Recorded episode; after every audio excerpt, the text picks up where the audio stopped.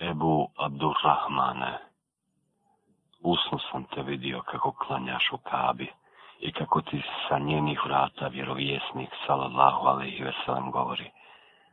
Tavu se, skini svoju masku i slobodno opusti svoj glas dok učiš Kur'an. Ovo je priča o Tavusu ibn Kajsan. Okretio se sa 50 sjajnih zvijezda vodilja i zablistao u punom svjetlu. Ono je sjelo kako iz njegova srca, tako i sa jezika i osvjetljavala put kuda god je hodio. Pred njim je u školu islama završilo 50 učenika kasnije priznatih učenjaka, od kojih je svaki podsjećao na drugove Allahova poslanika, sallallahu alaihi wa sallam.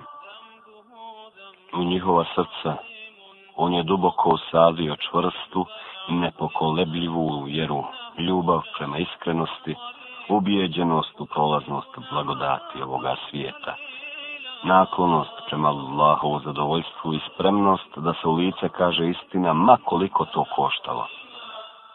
Muhammedova škola Islama ga je naučila da je vjera odanost Allahu, njegove knjize, njegovu poslaniku, muslimanskim vođama i običnim muslimanskim masama. Kroz nju stečeno iskustvo mu je govorilo da sve što valja mora počivati na čestitosti muslimanskih vođa, jer stado može biti sigurno samo uz dobra pastira, inače ono će se raspasti i tako raštrkano potopa. Eto takav je bio Zekvan ibn Kejsan, poznat pod nadimkom Talus, Paon. Takav nadimak među učenjacima Fikha doista s pravom i zaslužuje, jer mu njegovo doba upoznavanja ove discipline nije bilo ravna. Talus ibn Kejsan je po porijeklu iz Jemena, gdje je u njegovo doba namjesnikovao Muhammed ibn Jusuf Esekafi, Kafi brat Hadžadža ibn Jusufa Esekafija. Tamo ga je nakon što je ojačao svoju vlast učvrstio i ugušio pokret Abdullaha ibn Ezubeira, za namjesnika postavio njegov brat Hadžadž.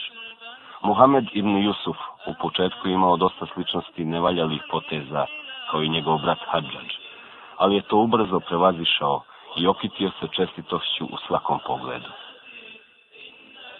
Jednog prohladnog zimskog dana Muhammedu ibn Jusufu došli su Tavus ibn Kejsan i Vehb ibn Munebih.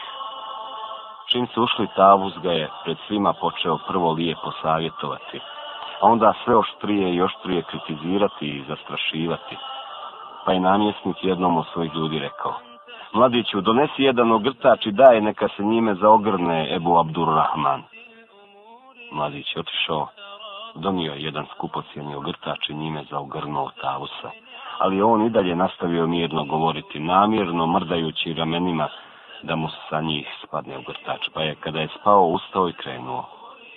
Muhammed ibn Jusuf se na ovaj njegov postupak toliko naljutio da se sad zacrvenio, ali mu ništa nije htio reći.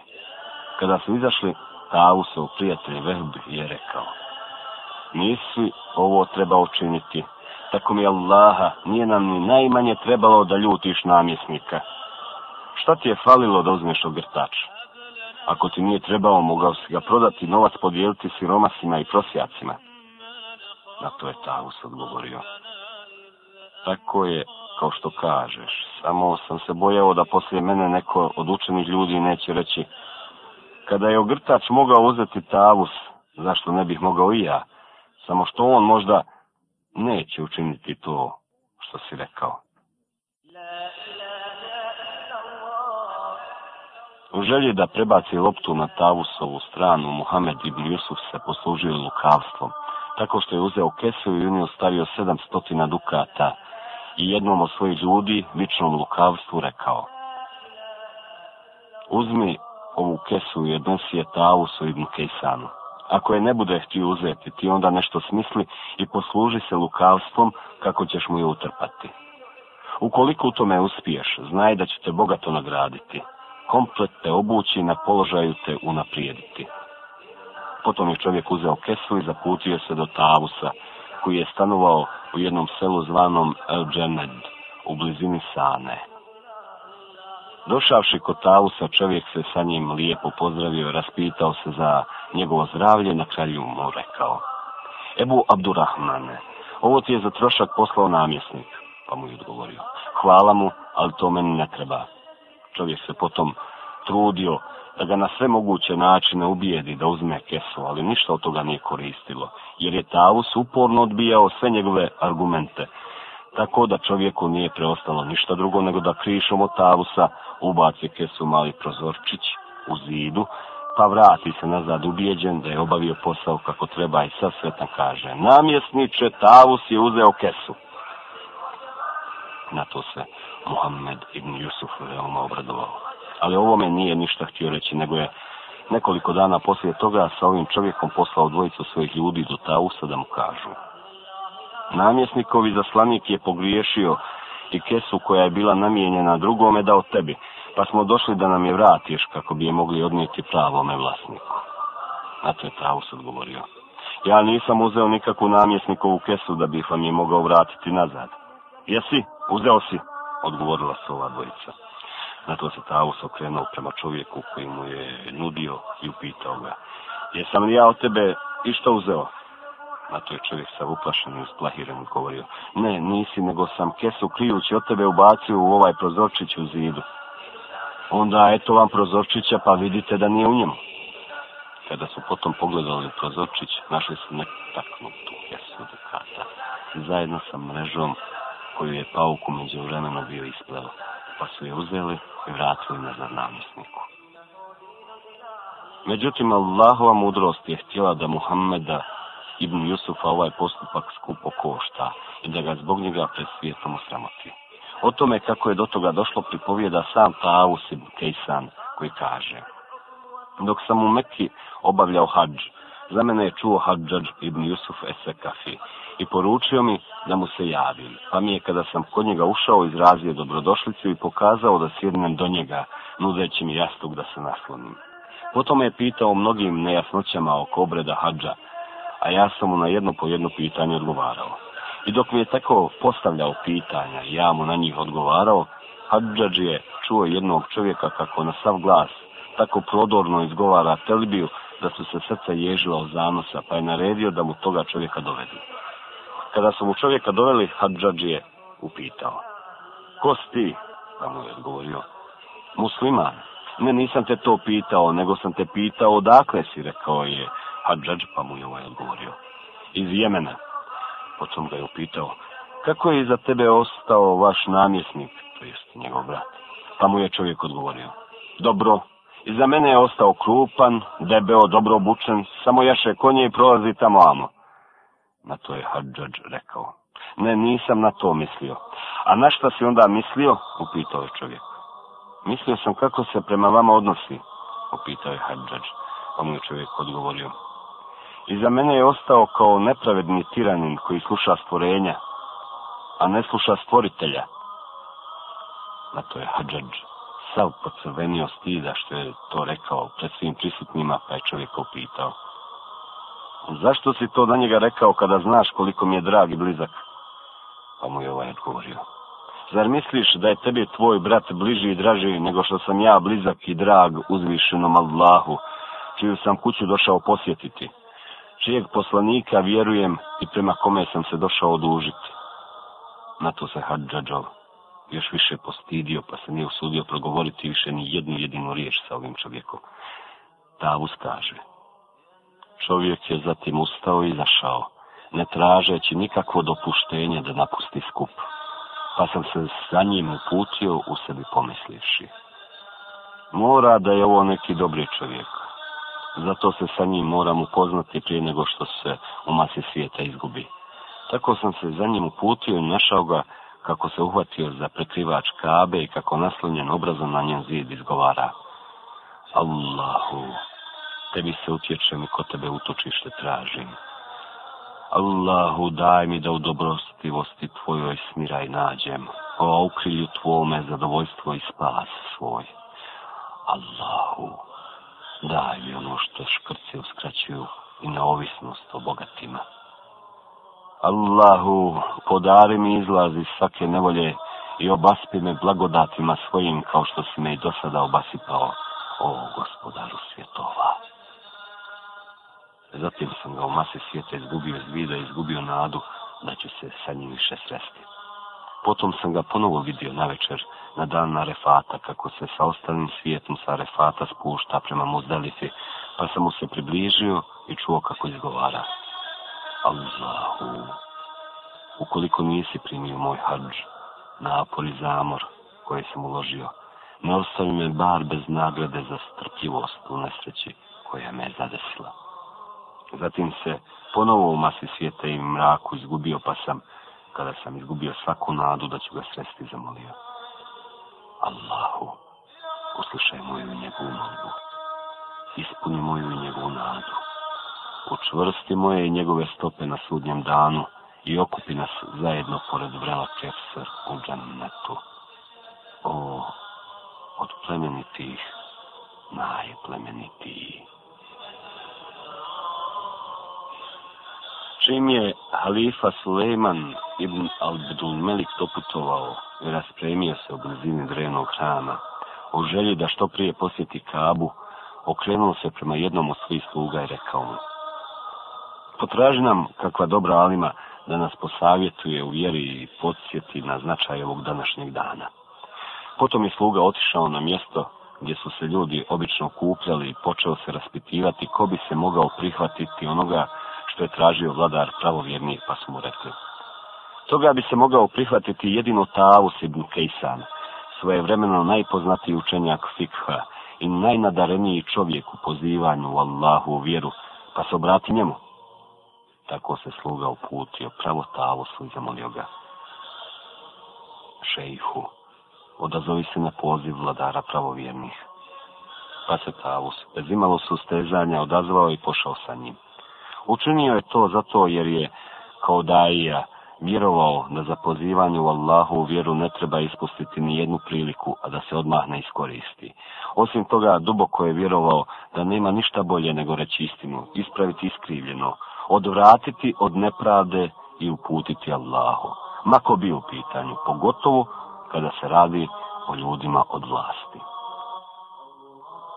Kada je Taus zajedno sa slugom došao vladaru pravovjernih pozdravio ga je kako je najljepše umio, pa mu je vladar pravovjernih još ljepše uzvratio.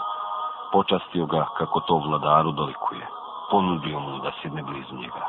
A potom ga počeo pitati o detaljima pojedinih obreda hađa, koji mu nisu bili dovoljno poznati, pa je ovaj na jedno pojedno pitanje odgovarao. Tavus kaže, kada sam osjetio da je vladar iscrpio sva pitanja koja je imao u sebi, sam pomislio, dalu se, ne zaboravi da će te Allah pitati za ovaj ovdje sastanak. Pa sam se okrenuo prema vladaru pravovjernih i rekao, vladaru pravovjernih, pripovijeda se da se jedan kamen sa ivice džehennema otisnuo u džehennemske provalije i da je 70 godina kroz nju propadao dok nije pao na dno džehennema. Vladaru pravovjernih, znaš li za koga je tu džehennemsku provaliju Allah pripremio? Ne znam, bez razmišljanja je odgovorio vladar pravovjernih, a potom se malo zamislio i pitao. Jadan ne bio, a za koga ju je pripremio? Uzvišeni Allah ju je pripremio za onoga kome povjeri vlast nad ljudima, pa se ovaj osili i nad njima počne zlom provoditi odgovorio sam. Čuvši ovo, Suleman se toliko prepao, pa je briznuo uplač i jecanje da sam pomislio da će mu duša izaći i srce od straha puknuti. Potom sam ga ostavio i zašao. Pri izlasku mi je kroz plač jedva rekao, Allah te svakim dobrom nagradio. Kada je Omer ibn Abdulaziz prezvao hilafet, poslao je pismo Tavusu ibn Kejsanu, kome ga je zamolio. Ebu Abdurrahmane, daj mi kakav savjet. Pročitavši halifino pismo, Tavus je uzeo i napisao samo jedan jedini reda. Ako hoćeš da ti sva dijela budu čestita, oko sebe okupi čestite ljude. Primi od mene selam. Kada je Omer dobio i pročitao pismo, rekao je, ovo je dovoljna savjet, ponovivši to dva puta. Nakon što je Hilafet prešao u ruke Hišama ibn Abdul Melika, Taus ibn Kejsan je sa njim imao mnogobrojne istupe, koji su se s koljena na koljeno od zaborava sačuvali sve do današnjih dana. Tako se pripovijeda da je jedne godine kada je došao u Harem i Šerif u Meku da obavi hađ, Hišam od svoje pratnje zatraži da mu pronađu nekog od drugova Allahova poslanika, salallahu alaihi veselem, da sa njim popriča pa su mu rekli. Vladar u pravovjernih, drugovi Allahova poslanika, salallahu alaihi veselem, su jedan po jedan već odavno pomrli i nijedan više nije živ. Na to je Hišam rekao. Dobro, onda mi potražite nekog od tabijina. Pa su mu doveli Tausa i Kejsana, koji je kada je kod njega ušao, na ivici Čilima skinuo obuću, pozdravljajući se sa njim i dostavio da ga nazove vladarom pravovjernih. Oslovio ga imenom, a ne titulom ili nadimkom kako je bilo običaj i sjeo prije nego što mu je dao znak da sjedne. Što je Hišama toliko razljutilo da se sav zacrvenio i da mu se iz očiju moglo vidjeti da se našao uvrijeđenim, jer je ovakav Tavusov postupak shvatio kao izazov i poniženje pred prisutnim osobljim gostima. Međutim, bio je svjestan da se nalazi na svetoj zemlji, pa se suzdržao i mirno upitao Tavusa. Tavus, šta te je navelo da učiniš to što si učinio? A šta sam to učinio? Pitao je Tavus. Na to se halifa još više razbjesnio i rekao. Prvo, skinuo se obuću na ivici Čilina. Drugo, kad si se sa mnom pozdravljao, nisi me oslovio sa vladarem pravovjernih. Treće, nazvao si me imenom, a nisi nadimkom. I četvrto, sjeo si prije nego sam ti dao znak da sjedneš. Na to mu je Taus potpuno smireno na jedno po jedno pitanje kratko odgovorio. Prvo, šta se imaš ljutiti što sam svoju obuću skinuo na ivici tvoga čilima? Pa ja ju svaki dan pred svojim gospodarom skidam pet puta, pa me zbog toga ne prezire, niti se na mene ljuti. Drugo, što se tiče tvoga pitanja zašto te nisam oslovio sa vladaru pravovjernih, mogu ti reći da svi pravovjerni nisu sa tobom, kao halifom zadovoljni. Pa sam se pobojao da ti moje oslovljavanje sa vladaru pravovjernih ne ispadne lažno. Treće, to što si mi zamjerio, što sam ti se obratio imenom, a ne po nadimku, nema nikakva razloga da se ljutiš, budući da je i uzvišeni Allah svoje vjerovjesnike prozivao po njihovim imenima, pa je rekao, o Davude, o Jahja, o Isaa za razliku od svojih neprijatelja koje je pozvao po njihovim nadincima, pa je u tom smislu rekao, neka propadne Ebu Leheb. Četvrto, to što kažeš da sam požurio da sjednem prije nego što si mi dao znak, tačno je. Ali sam to učinio zato što sam čuo da je Alija ibn Ebu Talib radijallahu anhu rekao, ako hoćeš vidjeti džehennemliju, pogledaju čovjeka koji sjedi, a oko njega drugi ljudi stoje. Pa nisam htio da ti ispadneš čovjek za koga je Allah pripremio džehennemsku vatru. Na to se Hišan postidio, oborio glavu, malo razmislio, onda ga zamolim. Posavjetuj me šta je bu Abdurrahmane. Pa moj ovaj sam rekao. Čuo sam da je Alija ibn Ebu Talib rekao, U džahennemu će zmije biti poput dugačkih grubi stubova, a škorpije ogromne poput mazgi. Ujedaće pastire koji svoje stado nisu čuvali kako treba. Taus je to rekao i izašao na vrata. Kao što se Taus nekim namjesnicima i ljudima sa vlasti znao odazvati, savjetovati ih i upućivati, isto se tako od nekih znao okretati i ponižavajući i izbjegavati. Tako se od njegova sina prenosi da je pričao. Jedne godine smo iz Jemena zajedno sa mojim ocem krenuli na hađ, pa smo ocijeli u jednom mjestu gdje je namjesnik bio čovjek po imenu Ibn Neđih, koji je u narodu slovio ko najpokvareniji od svih namjesnika, jer ni od koga nije zazirao da sputava istinu i služi se neistinom. istinom. Kad smo osjeli i raspremili se, otišli smo u tamošnju džamiju da klanjamo i tamo zatekli Ibn Neđiha, koji je bio čuo za dolazak moga oca pa je došao u džamiju da ga vidi i sa njim se pozdravi. Međutim, moj otac nije htio ni da ga pogleda pa mu je okrenuo leđa. Potom mu je ovaj prišao sa desne strane pa mu je moj otac ponovo okrenuo leđa. Potom mu je pokušao prići s lijeve strane pa mu je moj otac opet okrenuo leđa primjetivši to, meni je bilo nezgodno, pa sam mu prišao, pružio mu ruku, upitao se sa njim i počeo se pravdati da ga moj otac nije prepoznao na što mi on rekao. Naprotiv, tvoj otac mene zna sasvim dobro. Šta više učinio je to baš za to što me dobro zna. Zatim se bez jedne riječi od nas pokrenuo i izašao. Kada smo se vratili kući, otac se prema mene okrenuo i rekao mi, Ahmače jedane, kad si sa mnom na samo, pričaš sve najgore ovakvima kao što je on, a kada se s njima susretneš, polepiš da im se što prije dodvoriš. Zar se to može drugačije shvatiti neko kao licemjerstvo?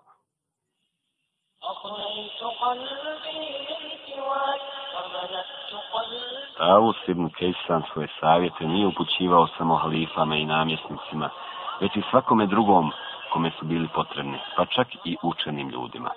Tako Ata ibn Ebu Rebah kaže, Taus ibn Kesan je jednom prilikom primijetio da sam u teškoj situaciji, pa mi je rekao, Ata, čuvaj se da se za pomoć obratiš onome koje je pred tobom zatvorio vrata ili se okružio stražarima i vratarima, nego ako ti kakva pomoć treba traži od onoga ko ti je širom otvorio vrat i od koga se sluti da će ti se odazvati.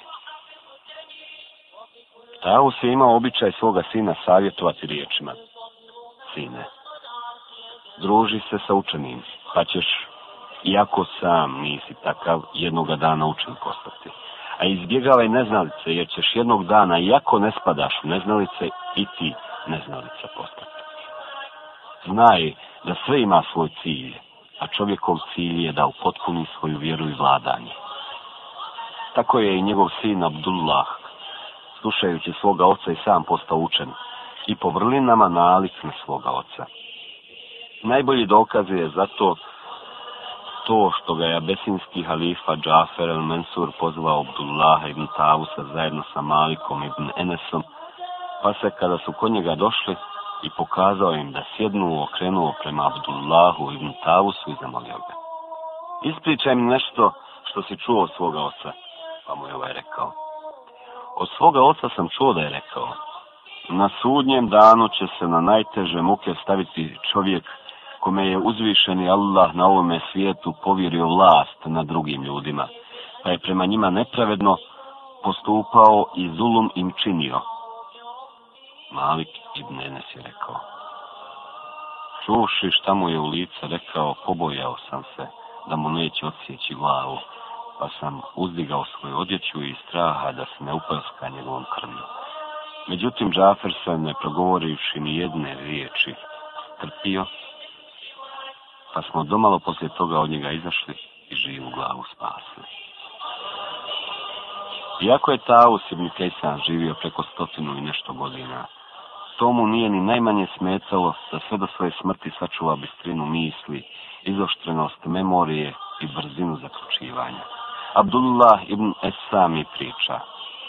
U želji da nešto od Tausa naučim, otišao sam ga posjetiti kod kuće. Pošto ga nisam poznavao, starca koji mi je otvorio vrata sam upitao. Jesi li ti Taus ibn Kejsan? Pa mi je odgovorio. Nisam, nego njegov sin. Ako si ti njegov sin, Mogu samo zamisliti koliko je on star. Do njega sam se iz daleka mjesta uputio s ciljem da od njega nešto naučim. A sada se bojim da ga oronulost i starost nisu osanilile. Teško tebi pazi šta govoriš. Odgovorio mi je i dodao. Zar ne znaš da su hafizi pošteđeni od senilnosti? Izvoli uđi i sam se uvjeri. Kada sam ušao, tavusu sam nazvao selame i nakon što sam se raspitao za njegovo zdravlje, rekao sam mu da sam došao u želji da od njega nešto naučim i da mi da kakav savjet, pa mi je rekao, izvoli, pitaj što želiš, samo budi kratak i ja sam. Biću ako Bog da, što je moguće kraći odgovor sam. Hoćeš li da ti kažem u čemu se sastoji sve ražučenje sve četiri nebeske knjige? Te vrata, Zebura, Inđila i Kur'ana, upitao je, pa sam odgovorio da hoću. Na to mi je rekao, onda se boj uzvišenog Allaha više nego ikoga drugog. Nadaj se u njegovu milost. Više nego što ga se bojiš i drugima želi samo ono što i sam sebi želiš. Desete noći mjeseca Zulhidžeta, 106. godine po Hidžri, u dubokim godinama svoga života Taus ibn Kisan sa ostalim hađijama po 40. put o svome životu nakon Vukufa na Arefatu uputio se prema Muzdelifi. Tu je nakon što je odsio, klanjao zajedno akšam jaciju i prilegao da se malo odmori na ovoj svetoj zemlji, ispustio svoju dušu. Tako ga je zatekla smrt, daleko od svoje porodice i svoje rodne grude, na putu na kome se obučenu i hrame i nadajući se nagradi, na još više želio približiti svome gospodaru. Allahovom voljom sudbina je htjela da umre baš tu, nakon obavljenog hađa, čist od grijeha, kao kada ga je majka rodila. Ujutru kada se rasanulo i kada su ga htjeli pokopati, njegova džanaza nije mogla proći od gužve, pa je namjesnik Mekke poslao svoju ličnu stražu da za njegovu džanazu napravi prolaz i pristup do mezara – gdje je položeno njegovo tijelo. Prenazu mu je klanjala nepregledna masa svijeta, sve hađija do hađije. Među njima i sam vladar pravovjernih, Hišam ibn Abdul Melik. Abdul Melik.